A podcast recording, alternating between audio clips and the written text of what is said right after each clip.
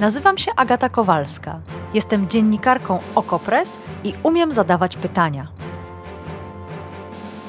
Wciąż jeszcze wierzę, że świat można ponaprawiać, więc swoich gości, polityków i ekspertki pytam o rozwiązania. Swoje tematy dorzucacie i wy, słuchaczki i słuchacze powiększenia. Wspólnie wyrywamy się z pułapki, że nic się nie da i że nic nie ma sensu. Zawsze dochodzimy do sedna. No, prawie zawsze. Zapraszam.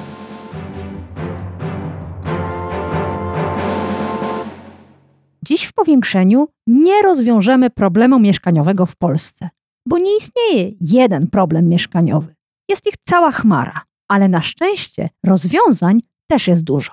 Najczęściej w mediach słyszycie o tym, co rząd proponuje pojedynczemu obywatelowi.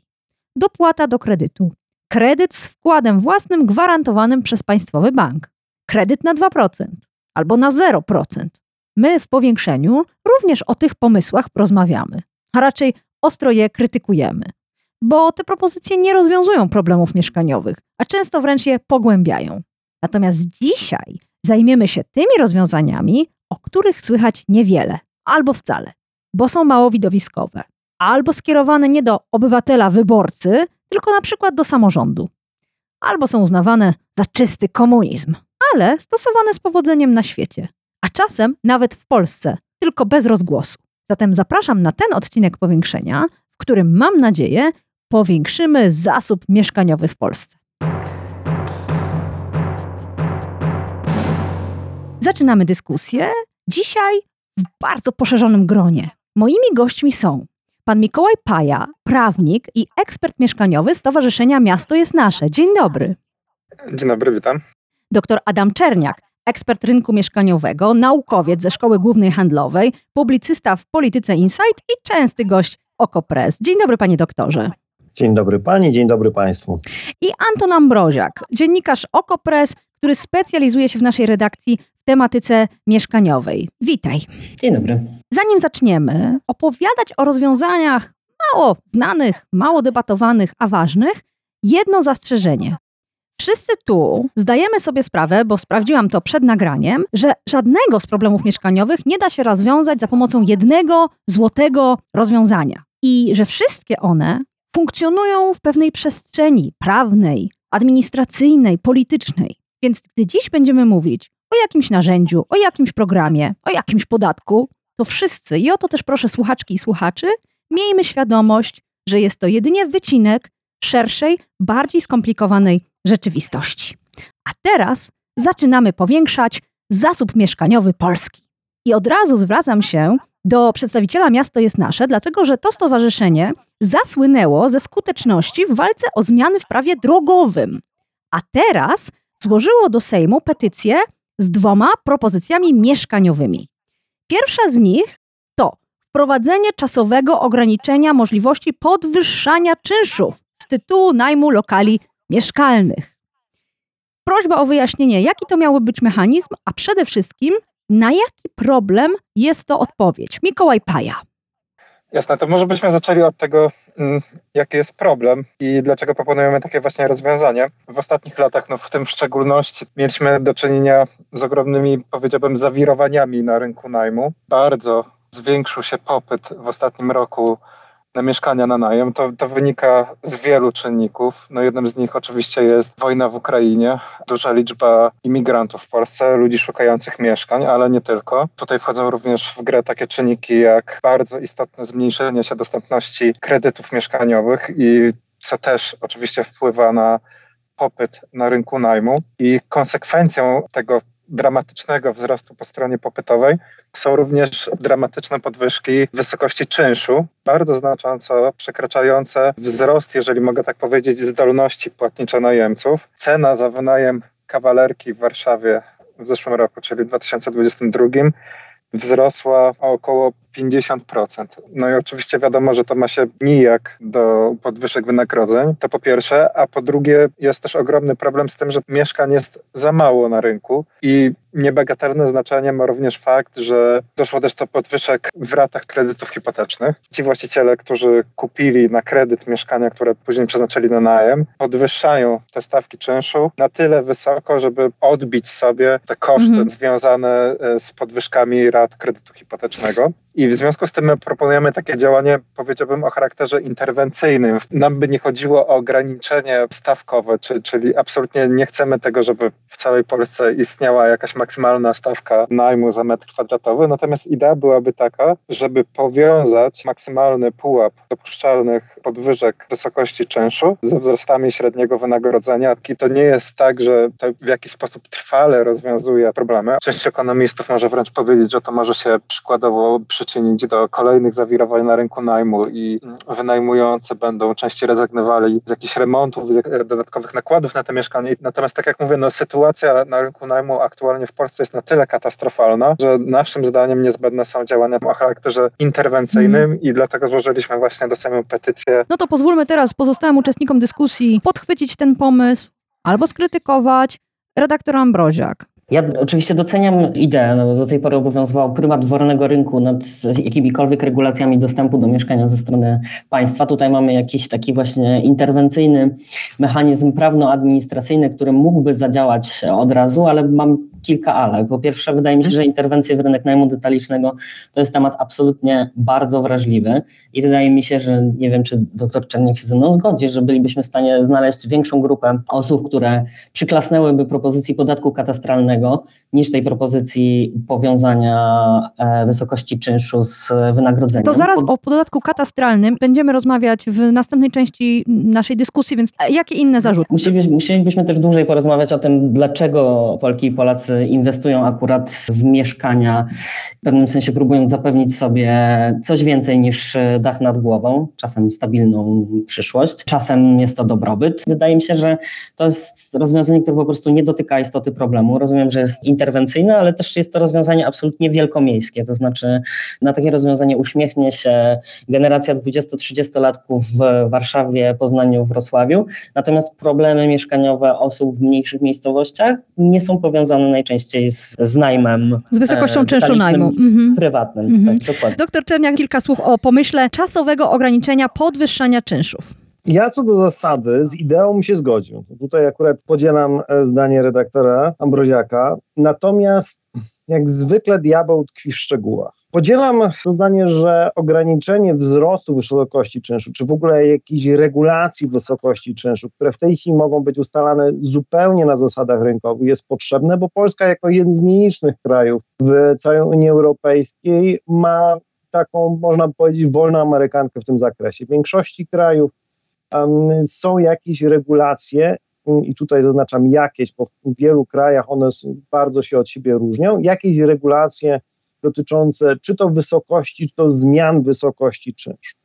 Natomiast musimy zdać sobie sprawę, że w Polsce rynek najmu jest rynkiem rozproszonym. Ponad 70% mieszkań, które są dostępne na rynku, to są mieszkania, których właściciele mają tylko jedno mieszkanie na wynajem. I to powoduje szereg różnych problemów. Przede wszystkim jest problem z tym, żeby ten rynek dobrze kontrolował. My w ogóle nie mamy zinstytucjonalizowanej jednej formy umowy najmu. Mamy kilka form umów najmu. Mamy umowy czasowe na okres ograniczony, na okres nieograniczony, najem okazjonalny. I to wszystko powoduje, że tego typu przepisy żeby w ogóle w jakiś sposób mogły być zastosowane, musiałyby wyszczególniać bardzo wiele przypadków. Bo co na przykład, gdyby taki jeden prywatny wynajmujący, czyli właściciel mieszkania, zaczął umowy podpisywać na tylko 3 miesiące do przodu, albo tylko 12 miesięcy do przodu i później mówi, ok, dobra, to w kolejnej umowie najwyżej podniosę sobie czynsz o X albo Y. Oczywiście możemy to w jakiś sposób prawnie ograniczyć i powiedzieć, no dobrze, kolejna umowa tej samej osoby nie może być wyższa niż no to wtedy może będzie chciał zawierać umowę najmu z inną osobą, albo co gorsza, zaczyna rosnąć szara strefa. Mikołaj Pajat, jak się pan odniesie do tych e, kilku zarzutów? Oczywiście, no tutaj pełna zgoda, to jest e, rozwiązanie interwencyjne i w tym sensie absolutnie nie zastąpi rozwiązań systemowych. Natomiast zaleta tego jest taka, że tego typu rozwiązania no, można by wprowadzić praktycznie od ręki. E, jeżeli chodzi o tę uwagę dotyczącą tego, że to jest problem dużych miast, no to oczywiście, bezwzględnie tak. E, natomiast to nie zmienia tego, że ten problem istnieje. Nie jest do końca korzystna taka sytuacja, w której mobilność społeczna jest ograniczana ze względu na to, że ludzie przykładowo nie mogą zostać w mieście, w którym studiowali, ze względu na to, że po prostu nie mogą tam wynająć mieszkania. Idąc dalej, jeżeli chodzi o uwagę pana doktora dotyczącą tego, że na polskim rynku obowiązują bardzo różne umowy, to tutaj tak, pełna zgoda. No i tutaj, jeżeli mówimy o prowadzeniu takiego rozwiązania, jak my proponujemy, no to oczywiście bezwzględnie to trzeba by również powiązać z innymi zmianami w prawie, e, które by uniemożliwiły uniknięcie sytuacji, w której tego typu regulacje byłyby obchodzone.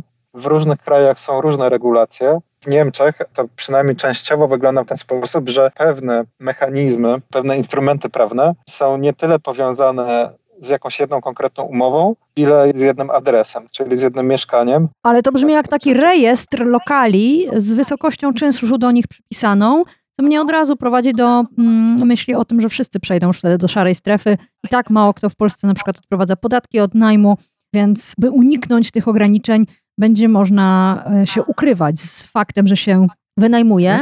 To ja bym się odniósł do tego pokrótce. Dlaczego w Niemczech tego typu narzędzie jest możliwe? Dlatego, że w Niemczech w samym rynku najmu wśród wynajmujących dużo większy udział mają fundusze inwestycyjne i najem skoncentrowany. W związku z czym, jeżeli mamy firmę, która wynajmuje kilkadziesiąt, kilkaset lokali, ma cały budynek, to dużo łatwiej prowadzić księgę rachunkową cen dla tej firmy, które muszą być zresztą opublikowane.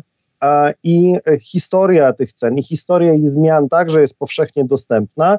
W przypadku indywidualnych wynajmujących tego typu monitoring jest dużo trudniejszy i właśnie grozi tym, o czym mówi redaktor Kowalska, czyli stworzeniem jakichś rejestrów, które później będą na siłę omijane różnego rodzaju ustawodawstwem. W Polsce w zasadzie w tym momencie jedyne narzędzie, które możemy na szybko wprowadzić, to jest wymóc na wynajmujących, żeby w ramach umów e, był zapis, że czynsz nie może być podniesiony o x procent w zależności na przykład od wskaźnika inflacji. Tylko kwestia jest taka, że jeżeli spojrzymy na umowy już zawarte i toczące się e, relacje najmu, to ten wzrost czynszów, który obserwujemy, nie jest aż tak duży. Proszę zobaczyć na dane e, Głównego Urzędu Statystycznego dotyczące wysokości czynszu. On wzrósł w trakcie 2022 roku od wybuchu wojny średnio o 15%. Przy czym e, te czynsze, te wzrosty czynszów o 30, 40, 50%, które obserwowaliśmy, to były wzrosty czynszów ofertowych na rynku, czyli tych nowych, czyli tych, gdzie umowa jakaś wygasła i wchodzi nowa umowa i z tą nową umową wynajmujący chce cenę 40, 50, czasem nawet 70 czy 100% wyższą. I tu jest problem, którego moim zdaniem ta propozycja nie rozwiązuje, albo będzie bardzo ciężko, żeby ta propozycja na ten problem bez e, zorganizowanego rynku najmu, gdzie byłby duży udział podmiotów typu fundusze inwestycyjne, wpłynęła. Mhm. To przejdźmy do tej drugiej propozycji z petycji Miasto jest nasze do Sejmu. Jest to wprowadzenie podatku od pustostanów, naliczanych od drugiego i każdego kolejnego lokalu, który nadaje się do zamieszkania, a nie jest zamieszkany ani przez właściciela, ani przez najemcę. To znów Mikołaj Paja. Na jaki problem jest to odpowiedź i jak uniknąć, no to od razu weźmy byka za rogi, przejścia wszystkich do szarej strefy i udawania, że lokal mieszkalny jest na przykład w trakcie stałego remontu. To może jeszcze nawiązując do tej szarej strefy z poprzedniej części dyskusji. Wydaje się, że są jednak instrumenty, które mogą pozwolić na uniknięcie tego typu problemów.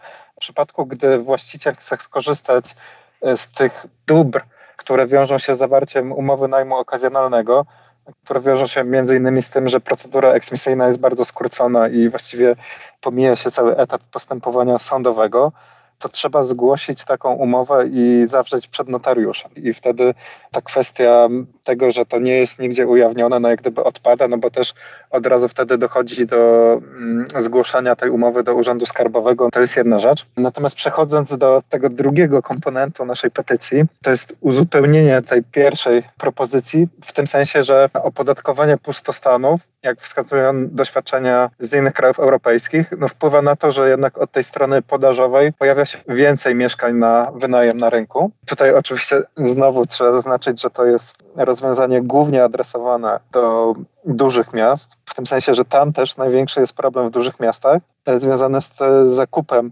często masowym mieszkań w celach spekulacyjno-inwestycyjnych, mhm. a nie mieszkaniowych. I efekt jest taki, ta liczba pustostanów jest uderzająca i nawet jeżeli zejdziemy z tego poziomu 20%, czyli tego, który zgodnie z tym spisem powszechnym, to, to, to jest liczba pustostanów w stosunku do ogółu mieszkań w Warszawie, powiedzmy do poziomu, nie wiem, 15 czy nawet 10%, no to wciąż, e, no wręcz powiedziałbym w skali kraju pewnie dziesiątki tysięcy mm. mieszkań, tak więc e, gdyby udało się zniechęcić właścicieli do tego, żeby trzymać te mieszkania puste i bez najemców, no to miałoby w naszej ocenie pozytywny skutek w tej postaci, że więcej mieszkań by się pojawiło w ramach tych ofert na wynajem, no co też e, w konsekwencji no z czasem pewnie mogłoby wpłynąć również na korzystniejsze warunki cenowe.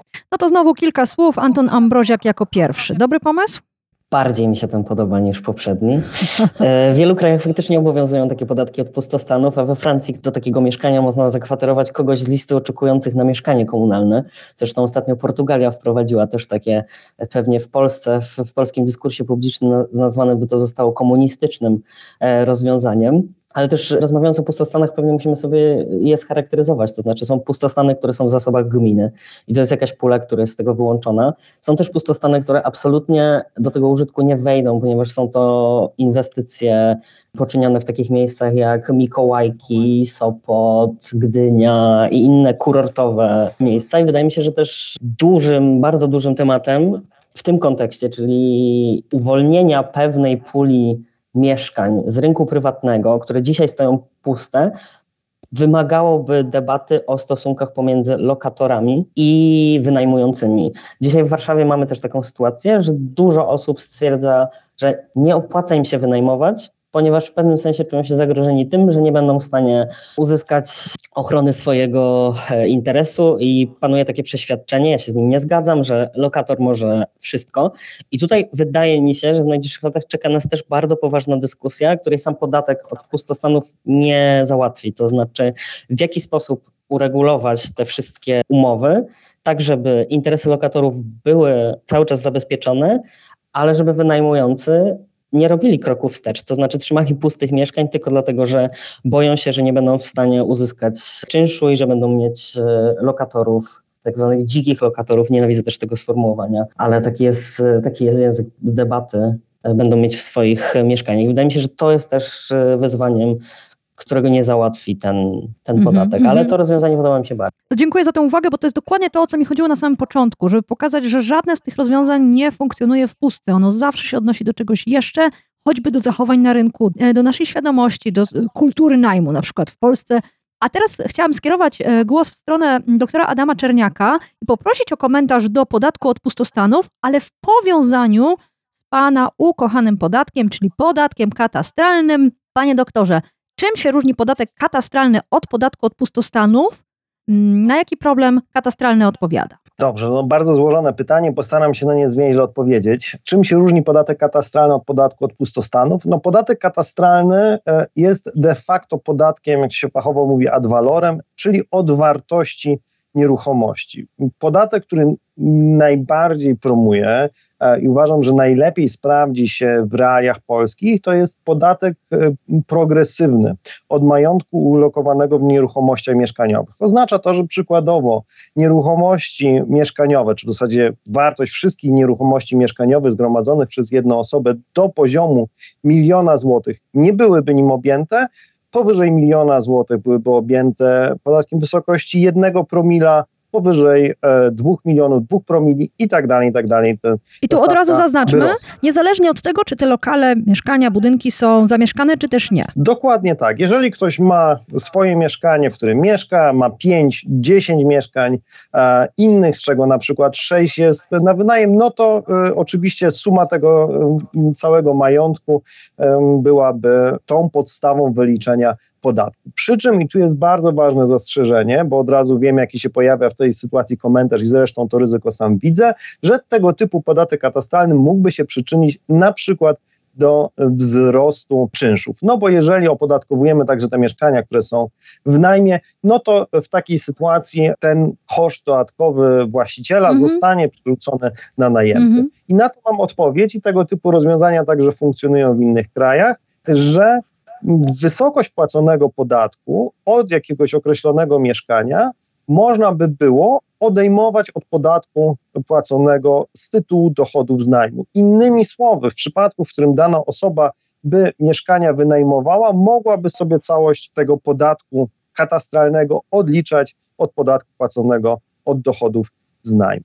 Więc to rozwiązanie dawałoby możliwość opodatkowania osób o wysokim, wysokich majątkach mieszkaniowych, bo te nierówności w majątku mieszkaniowym rosną systematycznie od już kilku dekad. Przypomnę tylko, że w ciągu ostatnich 20 lat liczba mieszkań własnościowych w Polsce wzrosła o 5 milionów, a przy okazji nie rozwiązaliśmy znacząco problemów mieszkaniowych Ale naszym kraju. Panie Co- doktorze, wciąż nie, jakoś nie padła chyba odpowiedź, na jaki problem to odpowiada, w tym sensie, że mam wrażenie, że pan mówi, budżet państwa zyska, bo będzie nowy podatek, nowe wpływy do budżetu, ale dlaczego miałoby to w jakikolwiek sposób powiększać zasób mieszkaniowy w Polsce? Tu jest kilka mechanizmów. Ja szczerze przyznam, że mechanizm fiskalny, czyli to, że tego typu podatek podniósłby dochody, które można byłoby przeznaczyć na aktywną politykę mieszkaniową, jest dla mnie zyskiem drugorzędnym z tego podatku, bo oczywiście prowadzenie tego typu podatku wiąże się z szeregiem działań po stronie państwa, które są oczywiście kosztowne, przede wszystkim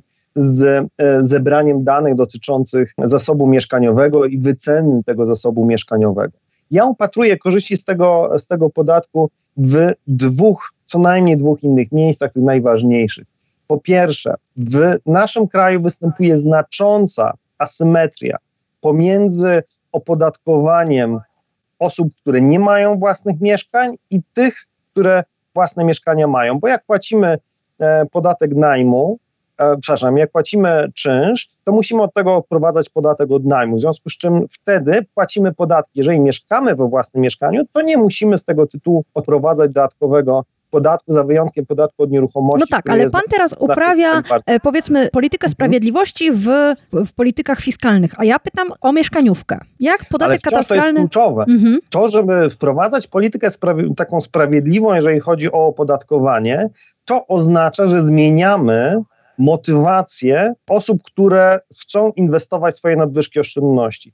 W tej chwili zakup inwestycyjny mieszkania, nawet po to, żeby go kupić i żeby ono stało puste, e, jest na tyle duży, że większość osób tylko marzy o tym, żeby w ten sposób zainwestować swoje środki. Giełda niekoniecznie, ryzykownie, wahania, ryzyko inwestycyjne, obligacje przyniosą za mały zwrot, lokaty bankowe przecież do niedawna oprocentowane na 0%, a koszty tego typu lokat czasami się pojawiają, więc gdzie lokujemy nasze oszczędności? Tylko i wyłącznie na rynku mieszkaniowym. Tego typu e, zbilansowanie obciążeń fiskalnych i ich stopniowe zwiększanie wraz ze wzrostem majątku mieszkaniowego, czyli dla osób, które mają duży majątek mieszkaniowy, to obciążenia fiskalne są dużo większe, redukuje korzyści z inwestycyjnego zakupu mieszkań, nawet w kontekście tego, żeby on był na wynajem Mhm. poprzez osoby prywatne. I to zmniejsza popyt na mieszkania, na zakup mieszkań w celach inwestycyjnych. mhm. Czyli w zasadzie w ten sposób działamy, żeby mieszkanie było w większym stopniu prawem niż towarem. Redukujemy e, tą, tą zachętę, którą państwo wytworzyło do zakupów inwestycji. Mhm. Mikołaj Paja, ja- pan mówił już na początku o tym, że tego typu rozwiązanie wymaga od państwa stworzenia szeregu narzędzi, takiej pewnie bazy wartości nieruchomości i tak dalej. Ale czy ma pan jakieś inne zarzuty do tego rozwiązania poza tą częścią, rozbudowaną częścią administracyjną? Nie, nie, absolutnie nie. To, mm, tutaj mogę powiedzieć, że my bardzo gorąco popieramy jako stowarzyszenie wprowadzenie podatku katastralnego i wręcz w naszych publikacjach, nawet na stronie nowi się taki duży tekst na ten temat, na, na temat właśnie korzyści, które mogłyby się wiązać z wprowadzeniem tego podatku. E, no przy czym e, tutaj dwa zastrzeżenia, tak? Czyli po pierwsze to, o którym już rozmawialiśmy, czyli to e, organizacyjno-techniczne i to, że no wciąż wydaje się, że państwo no tak naprawdę no nie rozpoczęło na dobrą sprawę jeszcze żadnych działań przygotowawczych do wprowadzenia tego podatku. No a druga rzecz, powiedziałbym taka marketingowa, polityczna. Problem też jest taki, że no, ten podatek nie ma dobrej sławy i raz jedna, raz druga partia, mm, w zależności od tego, kto jest aktualnie w opozycji.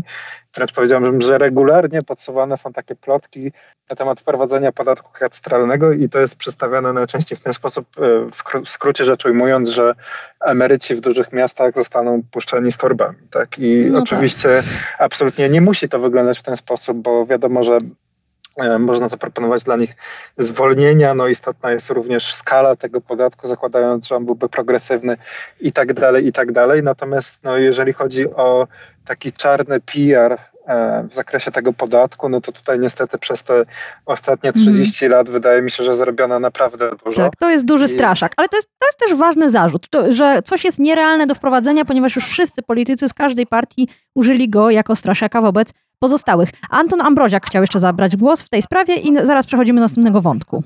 No tak, jak chciałem dodać, że marzę o tym, żeby doktor Czerniak powiedział, jak mądrze wprowadzić ten temat do debaty publicznej, czyli trochę odbijając się od tego, co powiedział pan Mikołaj. Ostatnio na przykład Instytut Finansów, czyli taka agenda badawcza Ministerstwa Finansów opublikowała obszerną analizę reformy podatku od nieruchomości w Polsce. I tam badacze założyli, że są cztery stopnie wdrażania tych zmian, a ten podatek katastralny to byłby na jakimś tam ostatnim stopniu. Dlaczego? No bo potrzebna byłaby długa i konsekwentna akcja edukacyjna, która przygotowywałaby społeczeństwo do wprowadzenia tego podatku. Inaczej to prawo na, pewno napotka na wielki opór społeczny, a duży opór społeczny często prowadzi w Polsce do imposybilizmu politycznego. Mam wrażenie też, że to rozumienie polityki mieszkaniowej generalnie jest dzisiaj bardzo pokoleniowe. Dla pokolenia starszego niż moje, mam lat 31, wciąż obowiązuje to własność albo nic. Jak wytłumaczyć takiej osobie, że to jego drugie, trzecie, czwarte mieszkanie, które trzyma A dla dzieci, żeby miały spokojną przyszłość, B dla siebie, na starość, bo na pewno od państwa nie dostanie emerytury, to jak mu wytłumaczyć, że ten podatek katastralny, że nic mu się takiego nie stanie, że to jest ważne, że to jest sprawiedliwe, słuszne, godne i bezpieczne? No dobrze, to y, Adam Czarniak ma może teraz dwa zdania na ten temat powiedzieć, tak jakby tweetował. Często bierze pan udział w takich dyskusjach w internecie, gdzie trzeba szybką piłką odpowiedzieć, bo to jest w ogóle temat na osobną dyskusję, jak rozmawiać o politykach społecznych, tak żeby ludzie rozumieli. Ale panie doktorze, ma pan jakieś proste rozwiązanie, proste hasło choćby już na teraz? Proste hasło, które staram się od jakiegoś czasu wykorzystywać, to nie nazywać podatku katastralnego podatkiem katastralnym, tylko mówić o podatku od wysokiego majątku mieszkaniowego, czyli że jest to podatek nakładany na tych, którzy mają w nieruchomościach użytkowanych powyżej miliona złotych. Myślę, że od strony psychologicznej wciąż bariera miliona złotych dla Polaków jest istotna, bo jak ktoś jest milionerem, no to przecież należy go opodatkować, niezależnie gdzie ucieka z tymi swoimi oszczędnościami. No to to jest tak, fajny pomysł. I na tym kończymy dyskusję o tym, jak dyskutować, bo jak mówię, e, to jest e, zupełnie osobny wątek, ważny, bardzo ważny, ale nie na dzisiejszą rozmowę. I przechodzimy do propozycji Antona Ambroziaka, który też ma prawo tutaj zaproponować jakieś narzędzie naprawiania polityk mieszkaniowych. E, co będziemy robić, panie redaktorze, co będziemy budować? Ja, ja zaproponuję coś najbardziej mdłego w debacie publicznej i niestety, znaczy, albo szczęśliwie, nie jestem spin doktorem, żeby to trzeba było sprzedawać, ale chciałbym, żebyśmy zajęli się też stroną podażową, czyli tym, co mogłoby zrobić państwo versus gminy, po to, żeby tych e, mieszkań było budowanych więcej. Generalnie uważam, że kooperatywa pomiędzy władzą centralną i samorządem jest ważna, ale ale nie wydaje mi się, że wizja państwowego dewelopera zarządzanego centralnie mogłaby w Polsce przejść, dlatego skupiłbym się na, na samorządach. Myślę, że to też by było wartościowo niewłaściwe, gdyby ktoś z Warszawy mówił w Będzinie, ile mieszkań pod tani najem jest potrzebnych, a ile mieszkań powinno trafić do najuboższych w ramach mieszkań socjalnych czy komunalnych. Na Zachodzie jest takie powszechne zjawisko, które polega na zakładaniu państwowych firm mieszkaniowych, które są zarazem właścicielami mieszkań i utrzymują się z dochodów z ich e, wynajmu. Pewnie część osób zapytałaby, czy to jest opłacalne. No, to są takie firmy, od których generalnie nie oczekuje się generowania zysku.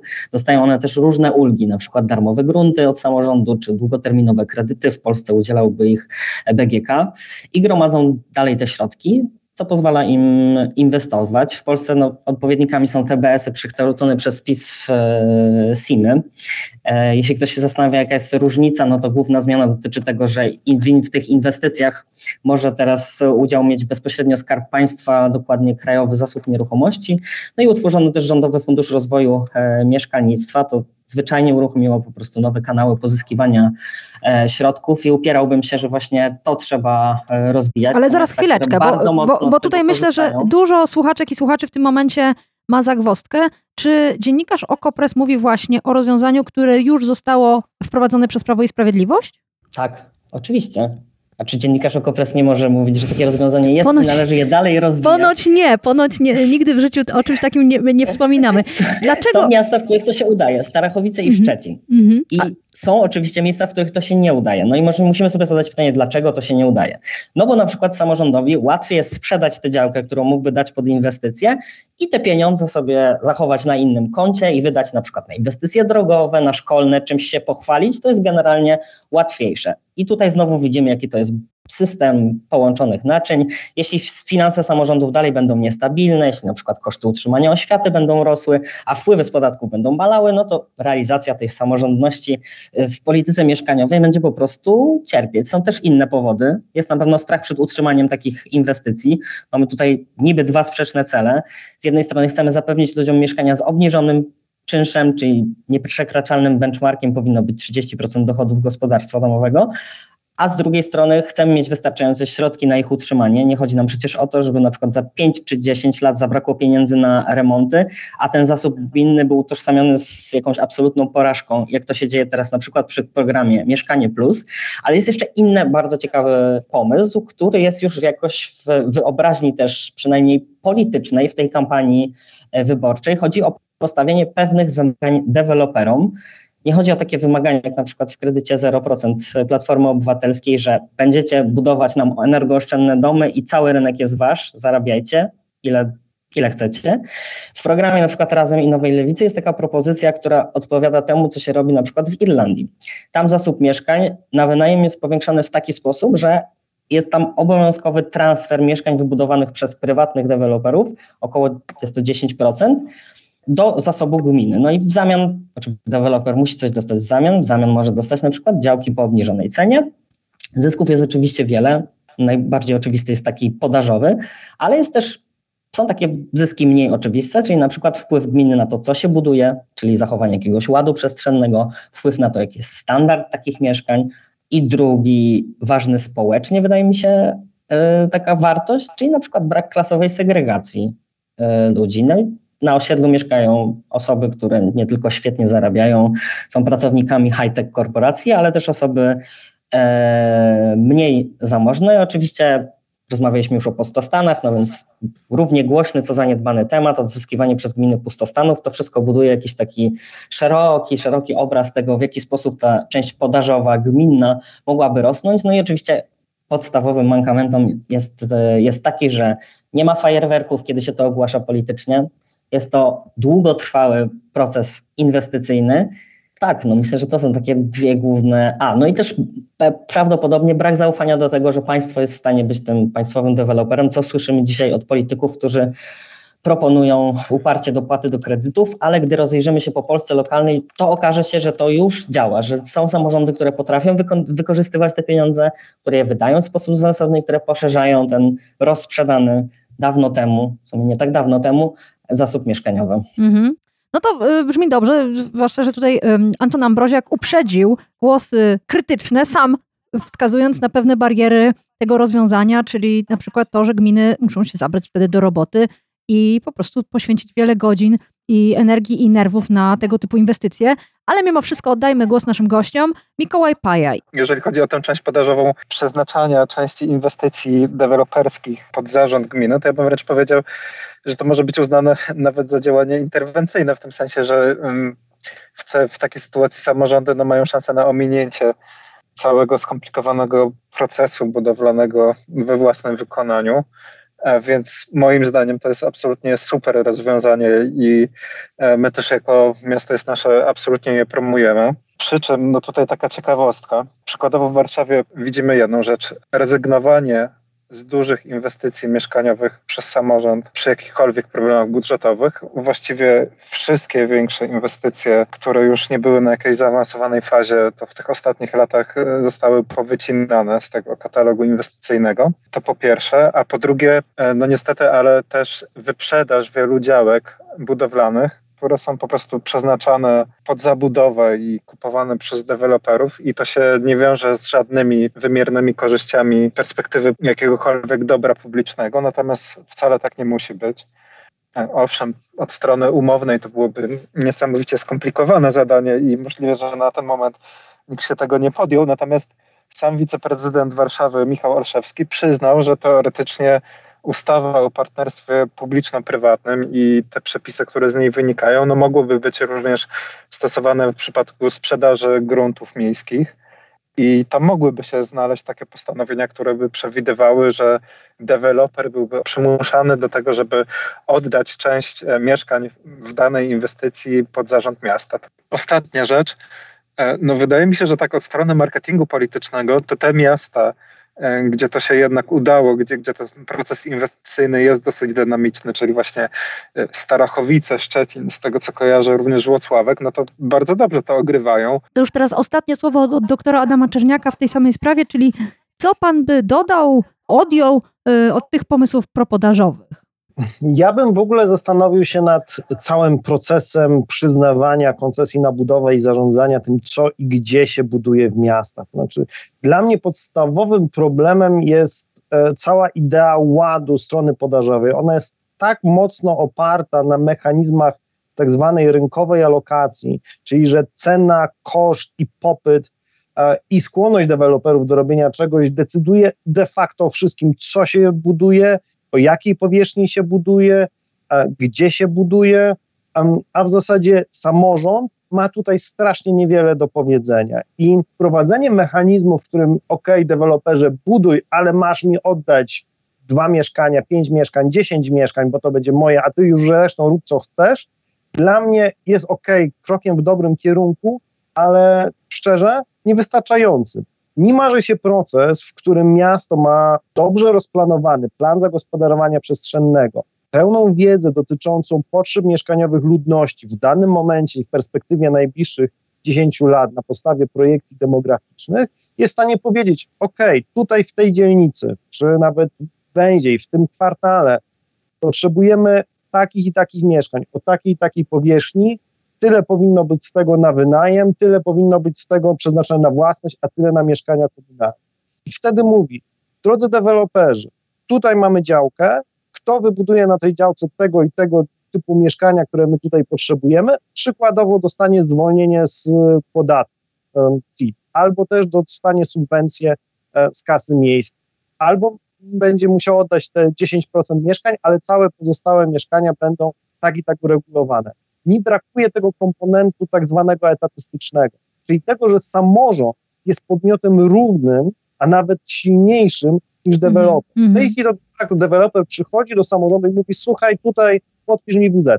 W zasadzie na rola samorządu to, się... Żeby to było jasne, panie doktorze, to o czym pan mówi, to pana marzenie. Pomijam realia, czyli wyko wykonanie tego, im większe miasto, tym trudniejsze. Jest już dziś możliwe w świetle prawa. Samorządy mają narzędzia, żeby przeprowadzić diagnozę mieszkaniową, żeby uchwalać plany zagospodarowania, nawet jeśli to jest długie i kosztowne. E, mają narzędzia, e, żeby negocjować z deweloperami, czy też nie? Mają tego typu narzędzia, tylko problem z tego typu narzędziami jest taki, że wymagają one po stronie samorządów dodatkowych nakładów pracy i zarówno osobowych, jak i kosztowych, a de facto skorzystanie z tego typu narzędzi w zasadzie samorządowcom nie przynosi żadnych korzyści. Jeden z pomysłów, które mam, jest mianowicie taki, żeby uzależnić dochody um, samorządu z tytułu podatku od nieruchomości, już niezależnie, czy to będzie katastralny, czy podatek od pustostanów, czy ten, który mamy w tej chwili, ale żeby ten podatek trafiał do kasy samorządu tylko w sytuacji, w której na danym terenie jest plan zagospodarowania przestrzennego. To stwarza motywację finansową dla samorządu, żeby w tworzenie Mhm. tych planów zagospodarowania Mhm. przestrzennego inwestować. I tego typu pomysłów potrzebujemy, bo inaczej, jeżeli rozwiązania, które już są dostępne, nie wiążą się z żadnymi bezpośrednimi korzyściami dla e, danego samorządu, to one nie będą stosowane, bo przecież jasne, i dla samorządu też jest najprościej podpisać wz bo i tak później wina za źle zrobione mieszkanie spadnie do, dla dewelopera. Tak, a, Jemu się powie, że jest patodeweloperem, a samorząd umywa od tego tak, ręce. a trudno się później w następnych wyborach reklamować jako ci, którzy dbają o urbanistykę jakiegoś konkretnego osiedla, bo 99% wyborców ma to w nosie, bo nie mieszka na tym osiedlu.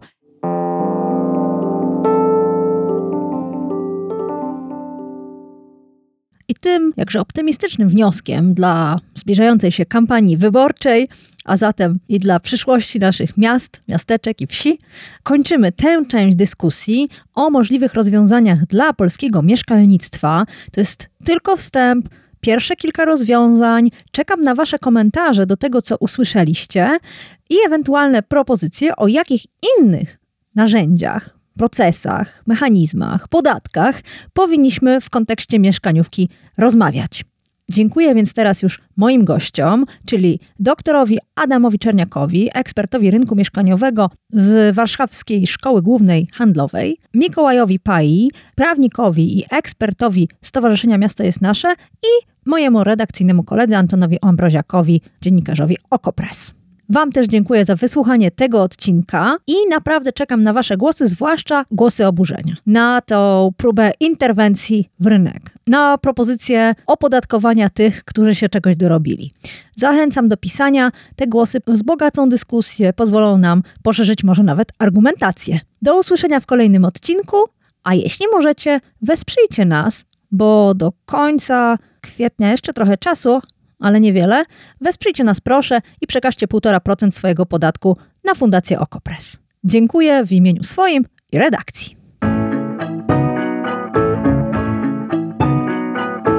To było Powiększenie, podcast Agaty Kowalskiej. Produkcja Bartosz Weber. Powiększenie znajdziesz na stronie Okopres i w Twojej ulubionej aplikacji do podcastów. Masz pomysł na temat albo komentarz? Napisz do mnie agata.kowalska małpaoko.press. Stałych darczyńców zapraszamy na grupę Okopres na Facebooku Twoja okolica. Tam też toczymy dyskusje o świecie i o podcaście. Dziękujemy za Wasze wsparcie.